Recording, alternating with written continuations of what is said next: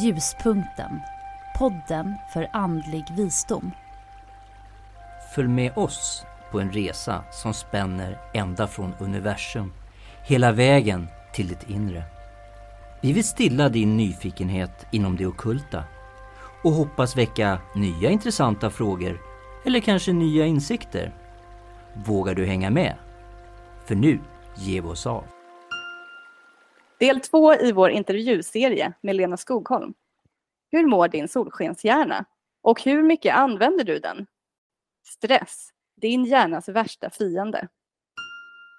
Välkomna då till Ljuspunkten podd som i det här avsnittet gästas av Lena Skogholm, författare till bland annat boken Bemötandekoden. Välkommen hit! Tack så jättemycket! Lite längre fram i den här boken så nämner ju du att eh, kroppsspråket avslöjar oss. Så, om vi säger så. Eh, omedvetet kanske, för ibland kanske man inte vill släppa ut all information man har. Men eh, kroppen kan ju faktiskt också signalera fel saker om vi är stressade. Hur eller kan man överhuvudtaget få reptilhjärnan att inte reagera fel här? Så att man inte släpper ifrån sig information som man kanske vill hålla för sig själv. Eller blir, blir det bara så liksom? Ja, jag fattar. Eh, jag, jag tänker så här, eh, bara för att då också avsluta, för att sätta det i ett sammanhang så kan vi bara stanna vid kort vid aphjärnan då. Om man mm. möter en person som är, vill prata känslor eller du vet man kanske är, är, är upprörd över något eller frustrerad över något eller orolig, ja då mm. vet vi att vi möter känslorna och det är ju det som är apspråket, att visa mm. förståelse, bekräftelse, medkänsla och så vidare. Mm. Ända tills aphjärnan är nöjd och man kan gå vidare. Och hur möter vi någon i människohjärnan? Ja, det är ju att prata logiskt om saken, för där har vi vår logik. Men att vi förstår att det här är behov, det här är de biologiska behoven som egentligen styr vår kommunikation på det här sättet. Mm.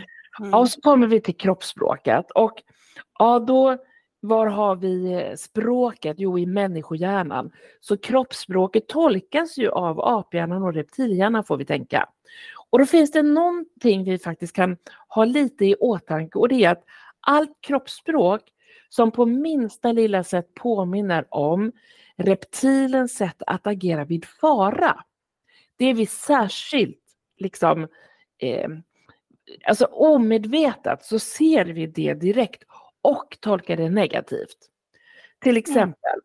ni vet så här, att om någon håller på med något annat, kanske håller på att skriva ett mejl klart på datorn eller något på telefonen och så säger den till oss så här, nej men du kan prata för jag hör ändå vad du säger. Alltså det, mm. det tror man ju inte. Det går Nej. man inte på. Nej, det gör man inte. Nej, alltså inte. Nej. Och sen så har vi ju svårt att göra två saker samtidigt. Men för det vi känner det är ju att personen är ju på, det kan ju, det kan ju vara som ett omedvetet flyktbeteende för personen vänder sig från mig och inte till mig. Mm. Eller om någon bröstar upp sig och, och liksom spänner ut både armarna och benen kanske och säger ja det var jättekul att se dig. Ja, men då tolkar vi också det negativt, för det där tangerar ju lite så attackläge. Mm. Så det om det. Och sen då, okej, okay, man själv kanske är, som jag vid ett tillfälle, eh, det här är ett antal år sedan när mina barn var små, jag hade, haft, eh, jag hade jobbade då som specialpedagog och jag hade haft lektioner hela dagen. Skulle tillbaka sen på kvällen och ha föräldramöte. Jag, mina barn behövde lite extra omsorg så de var lite sen där men jag gick snabbt genom eh, korridoren och eh, visste att då skulle jag hinna i tid. Så jag går ju som en mer eller mindre projektil. Och i min värld så, så, ja, så ser jag en kär kollega på vägen dit och jag hade klassrummet längst bort i korridoren. Så i min värld så hejar jag glatt på, på min kollega. Jag tyckte hon såg lite liksom konstig ut men jag hann inte tänka mer på det. Okej, okay, jag kommer i tid till föräldramötet och vi har det och allt går bra och sen så är det slut och jag går med betydligt lugnare steg hemåt igen då, genom korridoren. Och jag ser att Regina är kvar och då tänker jag, men vad kul, då kan vi byta några ord. Och eh, jag närmar mig henne, hon kommer fram till mig och innan jag hinner säga någonting så säger hon så här till mig. Men Lena, jag måste bara fråga, har jag gjort dig någonting? Vet du, jag fattar ingenting. Nej, vad är det? Vad har hänt? frågar jag. Mm. Och så säger hon det här. Jo, alltså jag, jag bara tyckte att du såg så arg ut förut när du hejade på mig. Jaha. Ja. Väldigt bra information och feedback till mig faktiskt. När jag är stressad, jag, jag blir så fokuserad så jag får som en, ni vet en sån här bekymmersrynka som man också kan få när man blir arg. Mm. Ja. Var det det jag trodde att jag sände ut? Icke sa Nicke. Nej. Här är ju självinsikt A och O för att ha koll på sitt kroppsspråk. Vad är det jag läcker ut? Ja. Hur blir mitt tonfall om jag är stressad? Är det ett sånt tonfall som jag vill ha? Vill jag att den ska uppfatta att jag är vass i tonen? Eller var det bara för att jag var stressad? Mm. Så att jag, mm, mina barn och min man har ju också gett mig feedback hur jag ser ut när jag är stressad. Så bra självinsikt får man. Ja. Då vet jag att jag behöver varna omgivningen. Alltså antingen får jag varna omgivningen, det är bara att jag är lite stressad nu, men snart är det klart. Alternativt så får jag lägga till med ett leende liksom och, och shape up lite. Beror, och vilket jag väljer det beror ju helt på vilken situation det är såklart. Då. Kanske båda. Situationer avgör ju oftast hur man agerar, det är ju så. Hade du någonting att inflika där Caroline? Eller? Ja, alltså jag tänkte lite på det här eh, just med kroppsspråket. Eh, för då låter det, Lena, som att du menar att vi människor, eh, det är, liksom, det är det som kommer först. Vi tittar, vi skannar människorna och säger okej, hon såg arg ut i det här fallet till exempel. Exakt ja. Och så Exakt. spelar det ingen roll vad hon säger, den här människan, utan ja.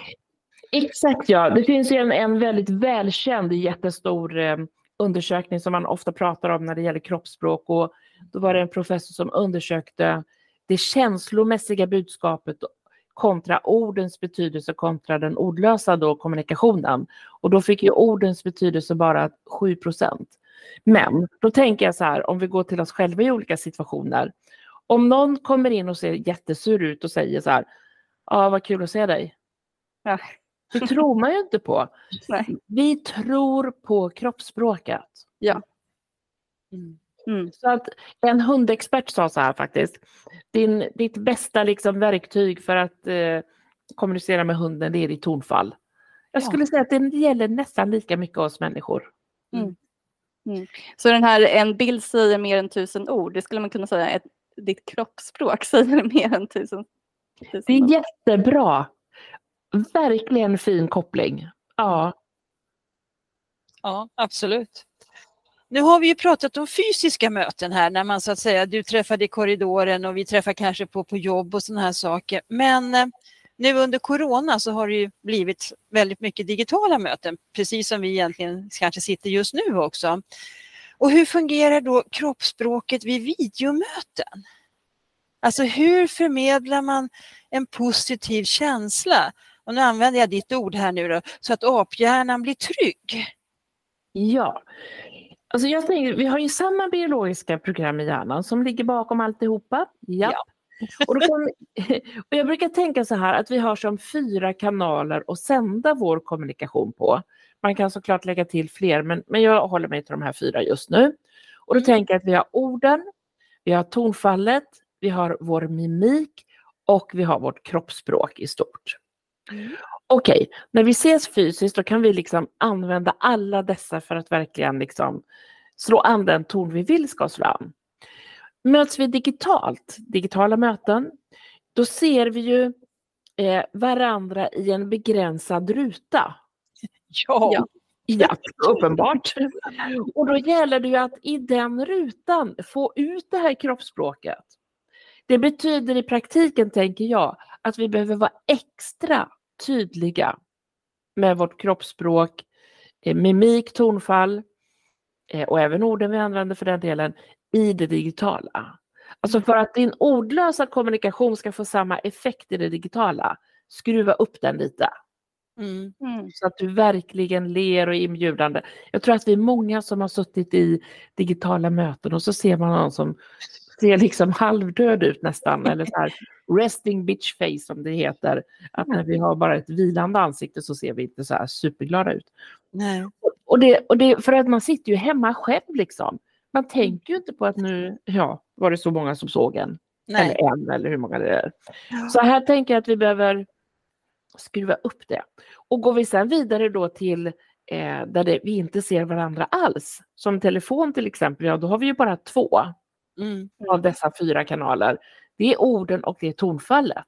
Mm. Ja, då gäller det att skruva upp tonfallet så all din ordlösa kommunikation liksom kommer ut där. Mm. Det Just vill det. säga ditt leende och vad du gör för gester så där, det ska liksom du packa in i tonfallet och det betyder att vi behöver skruva upp det. Mm. För låter någon trevlig på telefon, då tycker vi att åh vad trevlig. Men låter någon sådär väldigt neutral och inte har lagt till det här vänliga tonfallet, då tycker vi att det är, ah gud vad otrevligt. Fast det kanske egentligen var neutralt om man tänker efter. Ja. Och sen är det då i skrift, ja då behöver vi ju få in vår ordlösa kommunikation i orden. Och därför blir orden av yttersta vikt att välja. Och då handlar det om att välja positivt laddade ord, hitta omskrivningar så att du undviker inte-meningar och istället skriver liksom lösningen eller det önskade beteendet eller liknande. Då. Mm. Och så startar och avslutar på ett positivt sätt så att man slår an en, en, en bra grundton på, i början och avslutar vänligt så att det liksom blir ombonat av det här eh, vänliga uttrycket i mejlet. Mm. Jag förstår.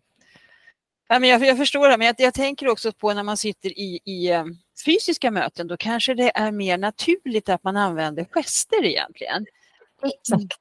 Ja, för jag tror att jag, eller jag vet att jag använder ganska mycket gester när jag då står inför publik. Men när jag sitter så här, då är det väldigt få gester tror jag som jag alltså, skickar iväg, så kan jag nog säga.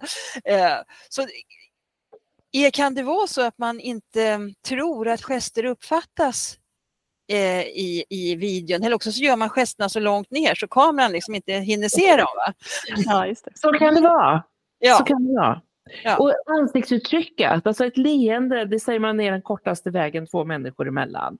Mm. Och, och sak, saken är ju den att om inte jag får en signal från den jag möter hur jag ska uppfatta den, då tolkar jag personen automatiskt åt det negativa hållet. Det vill säga, du är min presumtiva fiende tills du har bevisat motsatsen. Det är som Mm. att vi håller känselspröten uppe. Det är som att man håller garden uppe lite innan, vad, innan man vet vad man har en person, eller hur? absolut. Det Mm. tror jag vi gör allihopa. Så att det, men det, det du säger som är väldigt intressant här nu, det är ju det att vi börjar med det negativa. Vad har vi som mänsklighet tjänat på att vara negativa? Ja, Är det, är, det, är det överlevnad då så att om jag går fram och är trevlig så slår någon ihjäl mig i, långt tillbaka i historien eller liksom, ja, Om vi tänker på våra förfäder långt tillbaka i tiden då. Eh, de ser en banan där, mm, den ser god ut. Och sen kommer ett lejon på väg och ska springa och äta upp dem. Vad ska man reagera på? Alltså det är så uppenbart. Vi måste skanna i hela omgivningen, verkligheten, för faror först. Innan vi kan njuta av det goda i livet. mm, Och då har man ju sett i hjärnans landskap, om vi eh, utvidgar detta eh, förståelsen av hjärnan, att eh, eh, professor Richard J. Davidson, han ville studera hur uppstår känslor i hjärnan.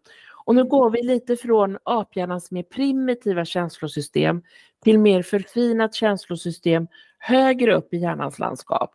Och då såg man att det lyser upp ett nätverk på vänster sida när vi har positiva känslor mm, och ett nätverk på höger sida när vi har mer negativa känslor.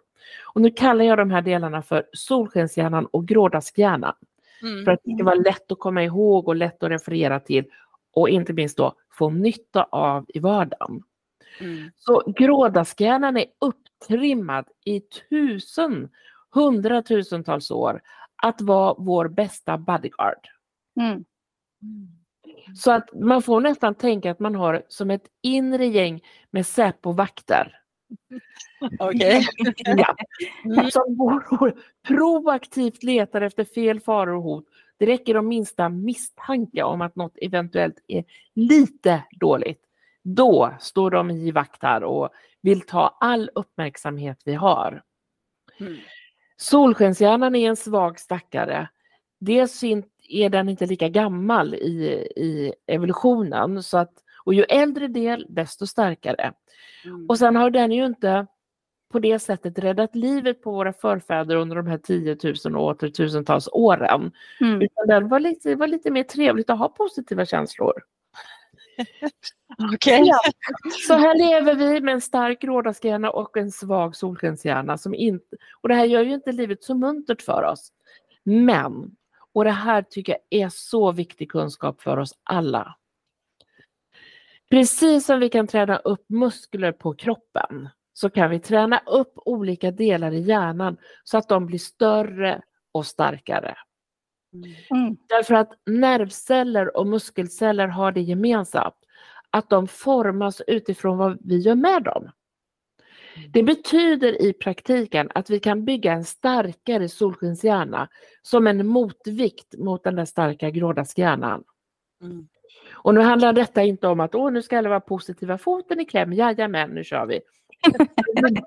Man blir ju trött av det. Nej, det handlar om vart vi vänder vår uppmärksamhet. Mm. Det här är två funktioner i hjärnans landskap. Och du ska fundera på när vill du använda funktionen grådaskhjärnan, när vill du använda funktionen solskenshjärnan. Du är, vi är lite liksom förinprogrammerade att ha grådaskhjärnan liksom som första observant. Och det är ju bra, den har ju räddat livet och hjälper oss fortfarande såklart. Det är bara det att den tar över för mycket. Mm.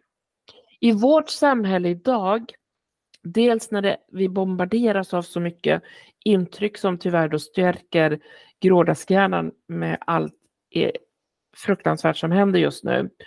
Och eh, dessutom har vi den här ökade stressen i tillvaron.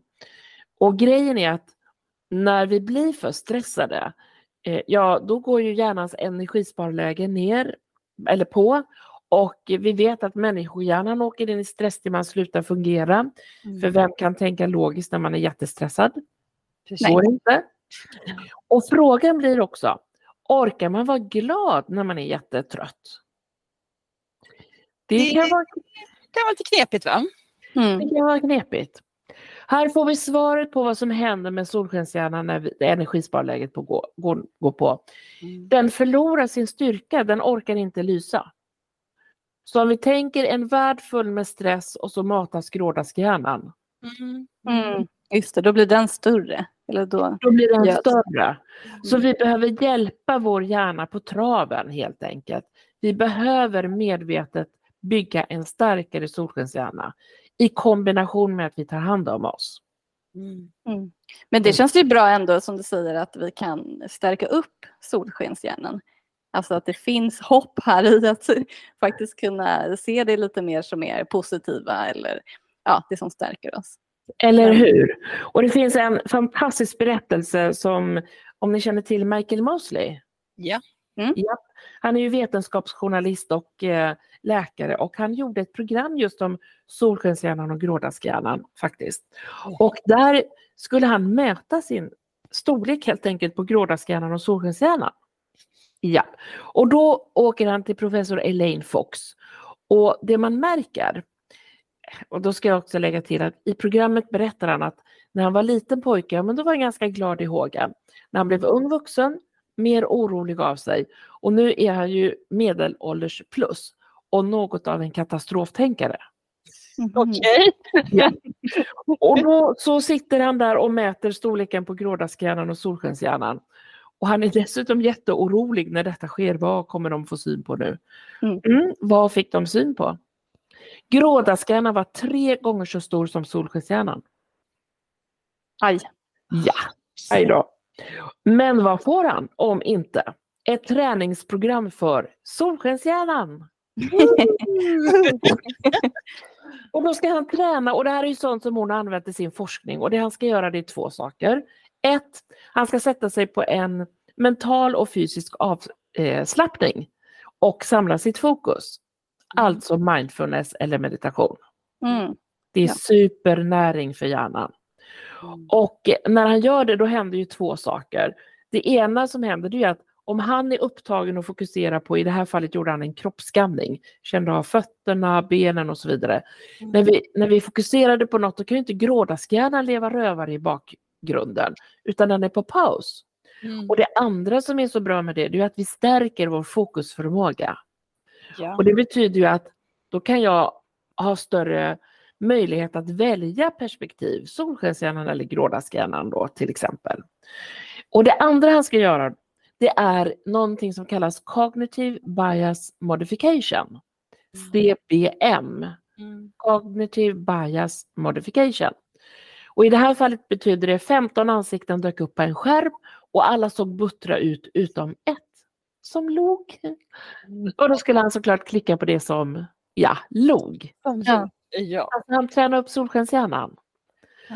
Där Mm. satt han. För han letar efter det som är bra, eller hur? Mm. Ja. Letar efter leendet. I allt elände så letar han efter det som ändå är lite positivt här. ja. Det var det. Och då stärker vi solskenshjärnan. Mm. Det här gör han tre, fyra dagar i veckan. Det tar en halvtimme totalt varje gång han gör det. Han gör det i sju veckor och sen är han tillbaka i labbet hos Elaine Fox. Mäter återigen storleken på solskenshjärnan och grådaskhjärnan. Och vad har hänt?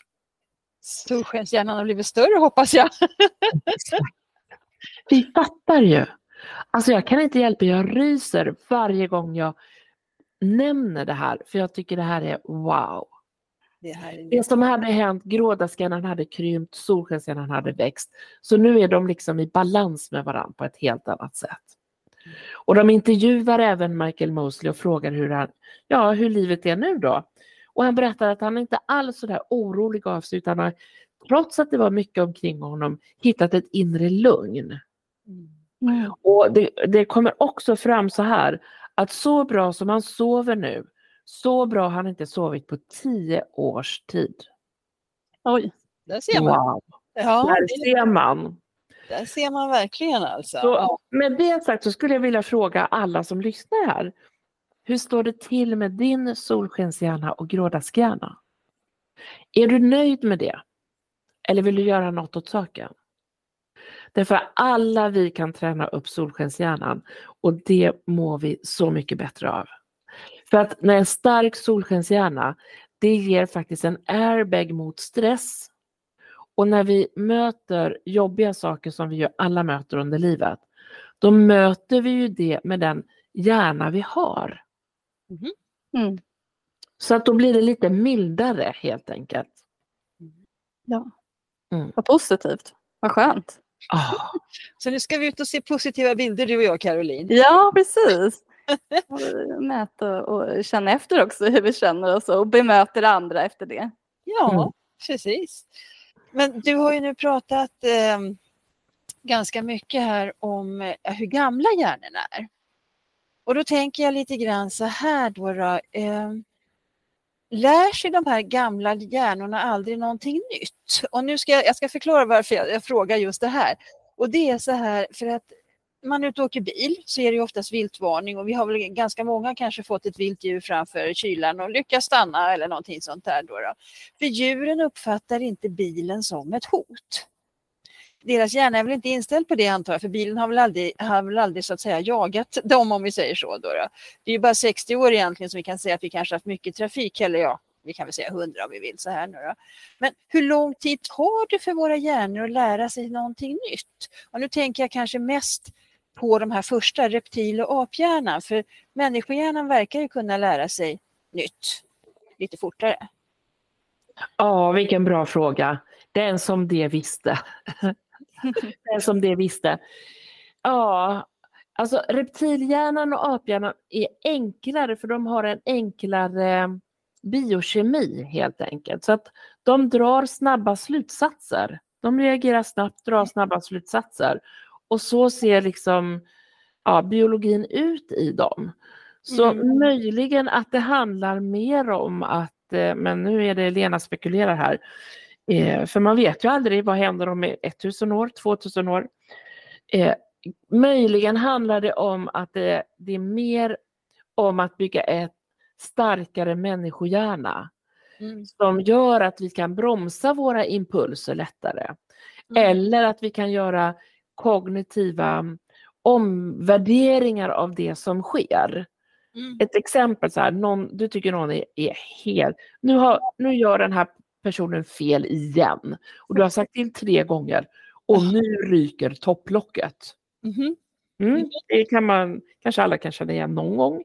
Mhm. Men, men om man då istället för att to- om topploppet ryker hos oss, ja då kommer ju varsågod reptilhjärnan och aphjärnan fram. Det är då vi förlorar liksom den där övergripande bilden. För Mm. nu minsann är måttet rågat. Och ibland kanske det är bra att liksom markera, naturligtvis. Mm. Men finns det fler vägar att gå? Och inte minst för att man själv ska må bra och det ska bli en bra dialog. Ja, man kan ju tänka så här då till exempel. Aha, intressant. Det här var den här personens kompetensnivå. Ja, så kan man tänka. Och jag, och, jag, men- och jag menar heller inget nedvärderande med det, utan jag menar bara för att hålla sig själv lugn. Mm. Ja. Man bara konstaterar det. Okej, men då ska jag fundera på hur kan vi, hur kan vi hjälpa till så att, eh, att, att, att han, personen kan till nästa gång komma rätt? Finns det något annat vi kan skruva på? Mm. Dialogen blir bättre, man själv mår bättre. Mm. Mm.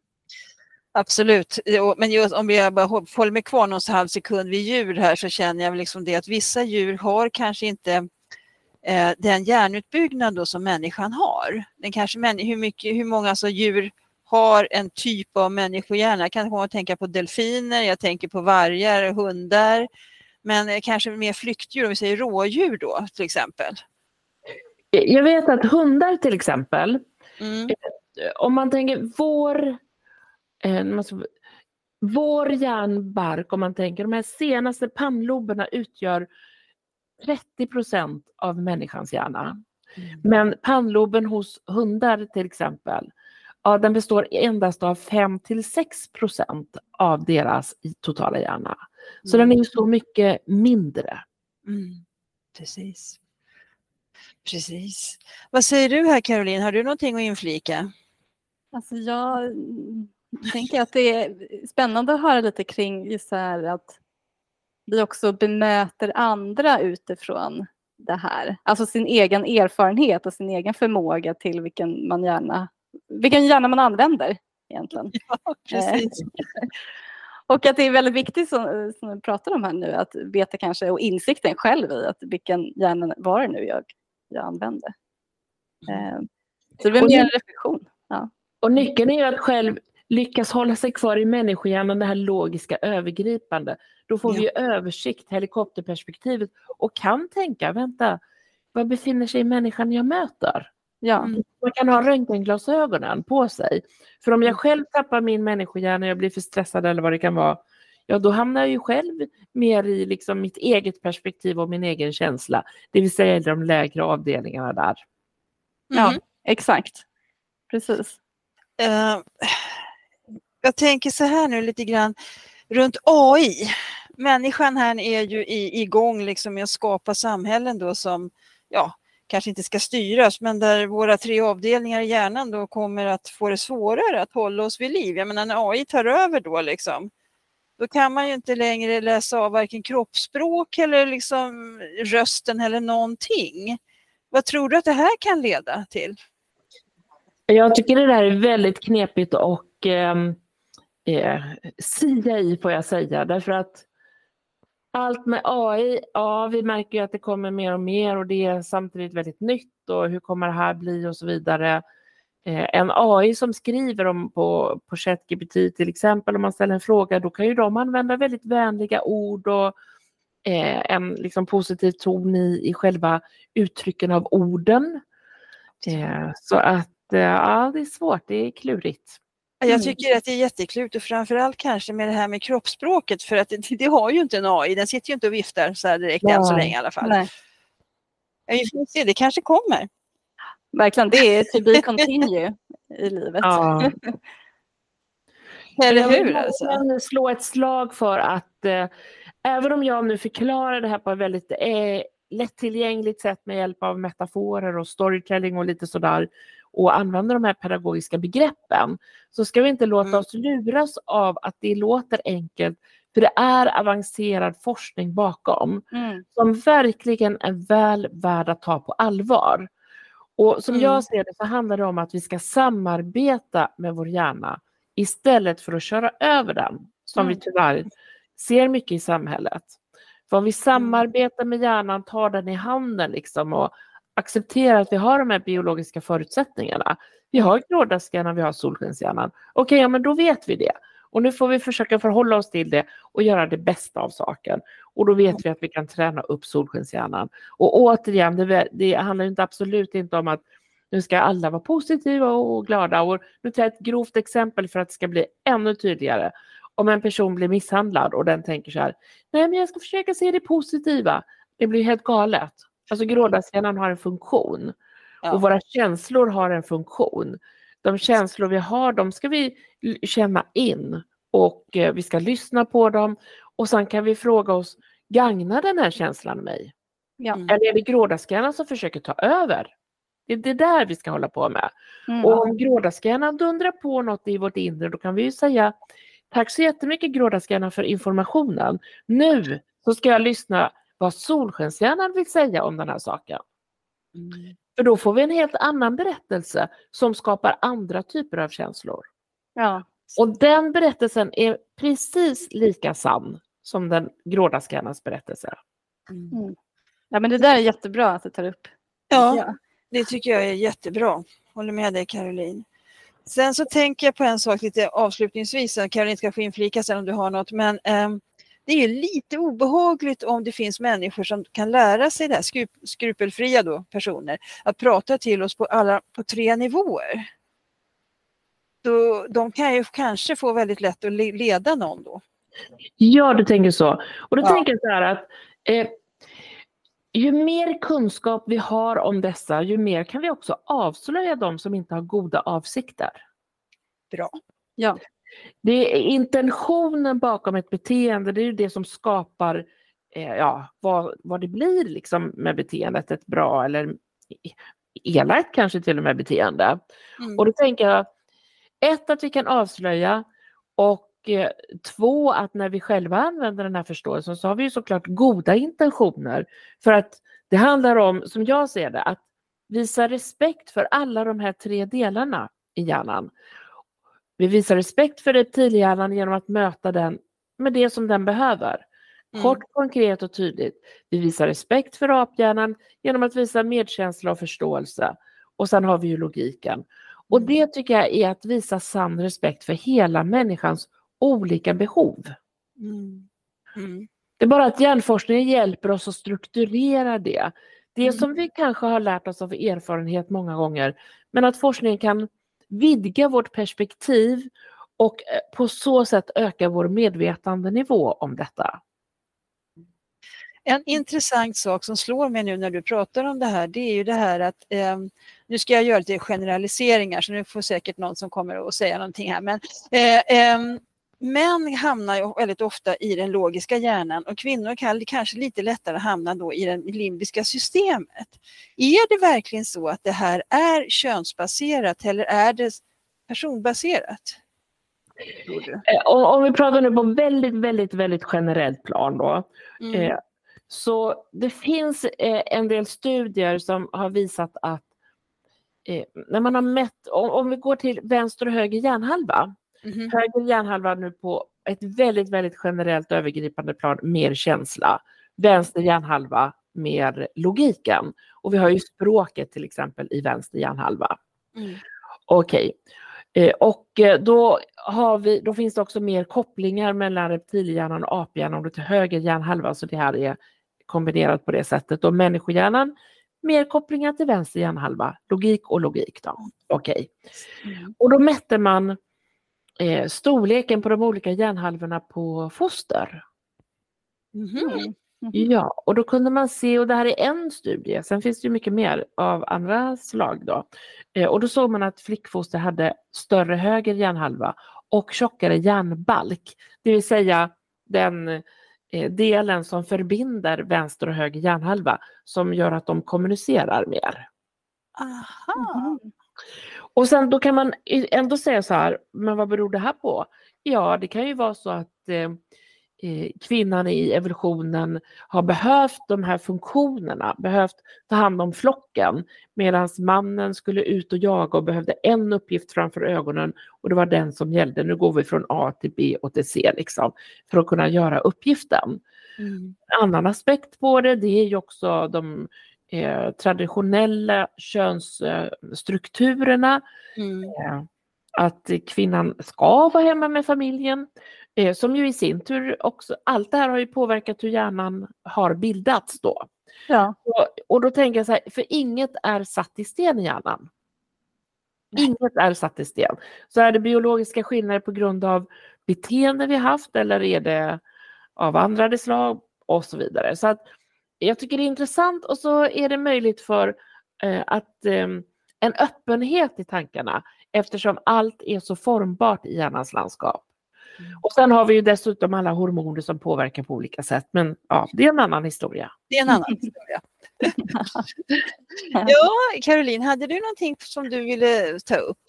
Eh, nej, jag tror inte det. Alltså jag, det här växte jättemycket intresse jag, och nyfikenhet kring. Jag tänker att vi skulle kunna prata i- superlänge, flera timmar till, verkligen. Eh, jag tycker det är jätteintressant det här som du tar upp, Lena, kring kroppsspråk och att allt det här som vi inte säger verbalt och hur mycket det faktiskt tolkas och hur det påverkas nu i, det, i dagsläget. Och det tänker jag att många kanske inte tänker eller förbigår. Och så går man runt och funderar, jaha, varför tänkte jag så här om den här personen? Då har man alltså fått det från, ja, genom kroppsspråk eller mimik eller vad det kan vara. Eh, så att jag tycker det är superintressant att, att du tar upp det. Eh, så ja, eh, många, många frågor och nyfikenhet. Eh, men vi kanske kan ta ett till poddavsnitt och prata mer. Nej, men det är väl som, som vanligt, det, sådana här saker väcker ju eh, mer nyfikenhet som nästan alltid. Eh, men då skulle jag vilja tacka dig Lena för att du har ställt upp här och pratat med oss idag. Det har varit otroligt roligt och givande för oss att ha dig med. Jätteroligt att höra. Och jag tänker jag kan ju avslöja med då en sån här liten eh, fråga. Okej, vad händer med de här tre avdelningarna, reptilhjärnan, aphjärnan och människohjärnan i tonårshjärnan? Mm. Det är ju så intressant. Ja. Inte, inte överraskande är det mera gas på reptilhjärnan och aphjärnan. Och människohjärnan är inte utvecklad förrän den är 25-27. Och det här har jag helt och hållet grottat ner mig i, i tonårshjärnan alltså. Eh, därför att nu kommer snart min bok, Koden till tonårshjärnan. Den kommer ut, eller kanske har kommit ut när det här sänds. Hur som helst, den 7 november så eh, finns koden till tonårshjärnan om man är intresserad av att få bättre relation och dialog med tonåringen. Mm. Det kanske är någonting för dig Caroline. Jag har Ja. passerat det stadiet. Superintressant. ja. Verkligen. Det är så spännande. Oh. Ja. Ja. Det är så mycket som händer under tonårstiden så att det är jättebra med en bok här. Kunna navigera. Det gick bra utan bok också men det kanske bättre med bok. precis. Mer kunskap i alla fall. Ja, man får liksom inside information om vad som händer i hjärnans landskap. Och kanske Ja. det är så att ungdomar idag, tonåringar, är mer utsatta än tidigare.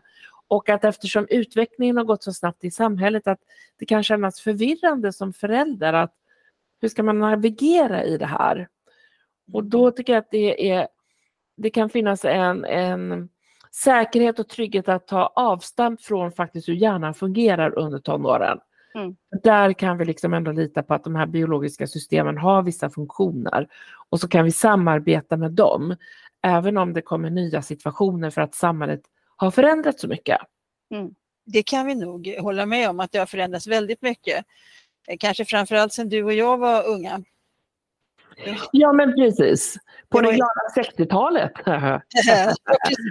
För min del i alla fall. Jo, men det är nog för min också, det var glada 60-talet som var trevligt tänkte jag säga. Det, men det är väldigt stor skillnad Mm. på de här åren som har gått. Det går inte Ja. att föra alls. Alltså. Det, så är det. Men då så, tack ska du ha för idag Lena. Vi är väldigt glada att du ville vara med oss. Stort tack. Tack så jättemycket till er. Tack. Ha det så fint. Tack. Detsamma tack, hej då! Idag. Har det dykt upp funderingar efter denna podd? Eller har ni några ämnen som ni vill att vi ska ta upp här? Så är ni välkomna att höra av er till oss via vår Facebook-sida Ljuspunkten podd. Vi erbjuder Reiki Healing-behandlingar i Stockholm. Vi har också kurser inom det andliga området. Läs mer om detta på våra respektive hemsidor som du når via vår Facebook-sida Ljuspunkten podd. Välkommen till Caroline, Dan, Fredrika och Gunilla.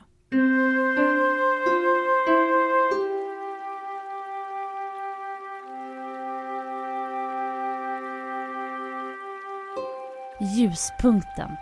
Podden för andlig visdom.